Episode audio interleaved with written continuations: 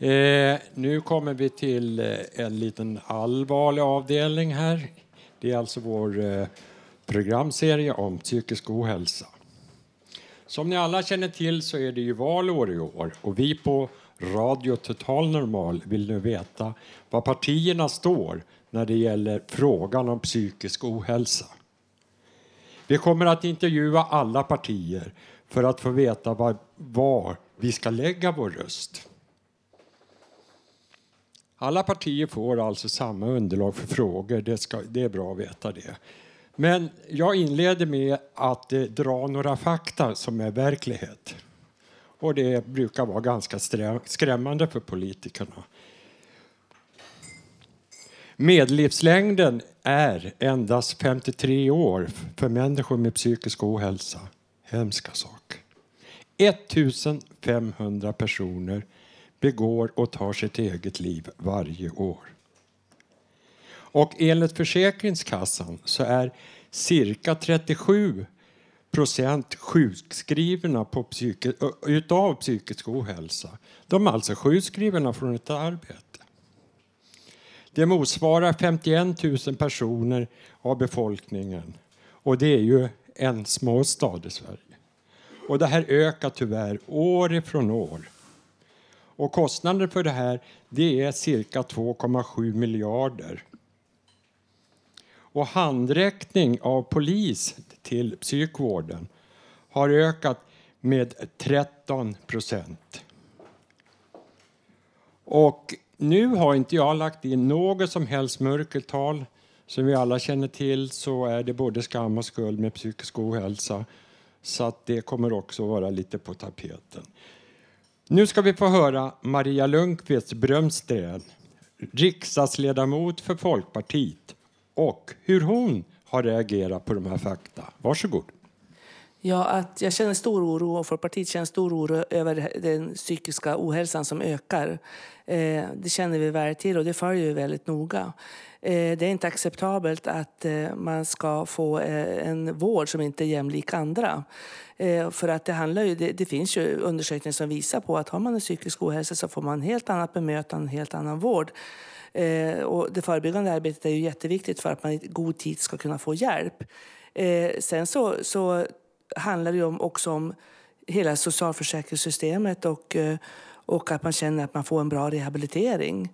Vad har ni för åtgärdsplan för att folk ska fortare tillfriskna? Ja, alltså rehabiliteringen måste komma igång i tidigt skede och där har vi en hel del att göra. Men jag vet också att man håller på att jobba med att titta på tillsammans med Sveriges kommuner och landsting och, eh, och eh, Försäkringskassan försöka hitta former. Dels få en klarhet i varför ökar ohälsotalet. Och jag tror att det handlar jättemycket om att många med psykisk ohälsa står utanför arbetsmarknaden. Det är oerhört viktigt att, att, att alla ska liksom känna att de är en resurs och att man behövs.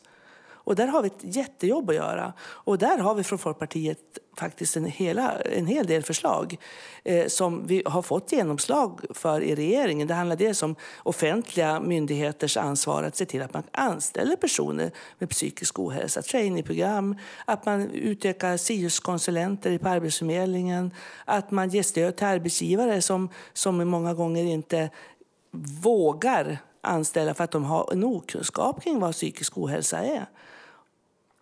Eh, eh, jag ville bara säga så här att vi, vi pratar ju om de här människorna som är sjukskrivna nu, 37 procent. De är ju redan sjukskrivna. Va?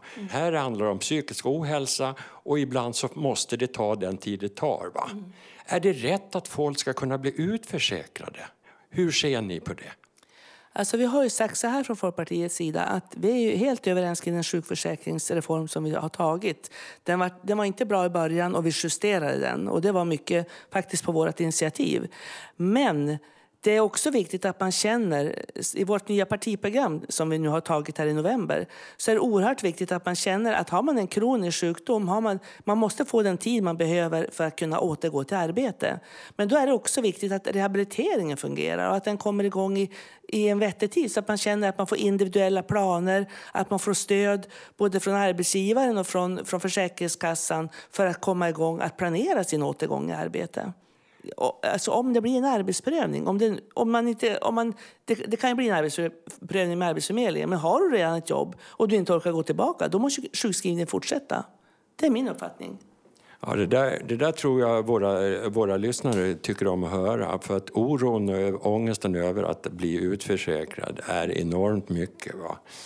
Har ert parti någon speciell profilfråga för att förbättra psykiatrin som våra lyssnare kan direkt Eh, känna att det här, det här, är ju, det här berör mig, va? det här ger mig en möjlighet. Har, du någon, någon, har, har ert parti någon eh, specifik Alltså hälso och sjukvården, när vi, när vi pratar hälso och sjukvård och, och, och patienter så då, då pratar vi om alla. Alltså, eh, och då ska, faktiskt, då ska faktiskt vården vara jämlik. Det är oerhört viktigt. Och det är den inte. Den är inte det för äldre, den är inte det för personer med psykisk ohälsa. Äldre med psykisk ohälsa är en stor grupp och de där finns det stora brister i vårt land kring äldre psykisk ohälsa. Och suicidfallen ökar bland äldre. Så att det, det, är, det, är, det är en profilfråga vi driver. Sen, sen tycker jag att man har nedrustat psykiatrin. Alltså jag menar, det, det, är inte så, här, det ska inte vara som att det är svängdörrar in på psykiatrin. Utan man ska faktiskt få en tid när man är riktigt dålig att känna att man kan vara på, inom, om man måste ligga inne, att det finns vårdplatser. Ja, i, i mitt landsting så, så är det nästan så att det, man, får, man sätter sängar i läkarrum och det är nästan två år varje säng. Har det varit perioder för att man har lagt ner vårdplatser. Och ibland är man, beho, man är ibland behov av att få riktig vård inom psykiatrin. Och man ska känna att man har den tryggheten att få den i lugn och ro. Vi vet ju det också, Maria, att även här i, i riksdagshuset nu befinner vi oss på Mynttorget. Då. Men här i riksdagshuset, om vi säger bland alla politiker och allting, då har, du, då har du ofta människor som får psykisk ohälsa. Och då skulle jag vilja höra, Folkpartiet, vad, vad, vad ställer ni upp med när ni upptäcker att någon medarbetare har psykisk ohälsa? Alltså, vi har ju, I varje, varje riksdagsparti har ju en gruppledning. Och där har vi, de, de vi väljer till gruppledning, de har vi ett väldigt stort förtroende till och det är, vi har en stor tillit till dem. Och när någon mår dåligt så vet jag att då, då vänder vi oss till gruppledaren för att få stöd. Det, det, är inte svårt att, att kommunicera på det sättet och det är jag glad för. För det här är ett ensamarbete. Jag vet att det finns de som ibland önskar att det är ingen som frågar efter mig. Jag sitter på mitt rum och jobbar och om jag inte skulle komma så är det ingen som märker att jag inte kommer. Sen, sen, sen kan jag inte låta bli att ta upp det här att det är 1500 eh, människor som tar sitt liv på grund av psykisk ohälsa. Skulle man behöva ha en nolltolerans när det gäller psykisk ohälsa och den här självmordsproblematiken? Absolut. Folkpartiet eh, tycker att psykisk hälsa ska vara ett folkhälsomål. Ja, nu, nu, eh, nu Maria så, så ska vi avrunda den här intervjun och våra lyssnare ska ju gå till valurnorna i höst. Va? Mm. Om du fick kort säga något väldigt konkret som gör att våra, våra lyssnare ska rösta just på Folkpartiet.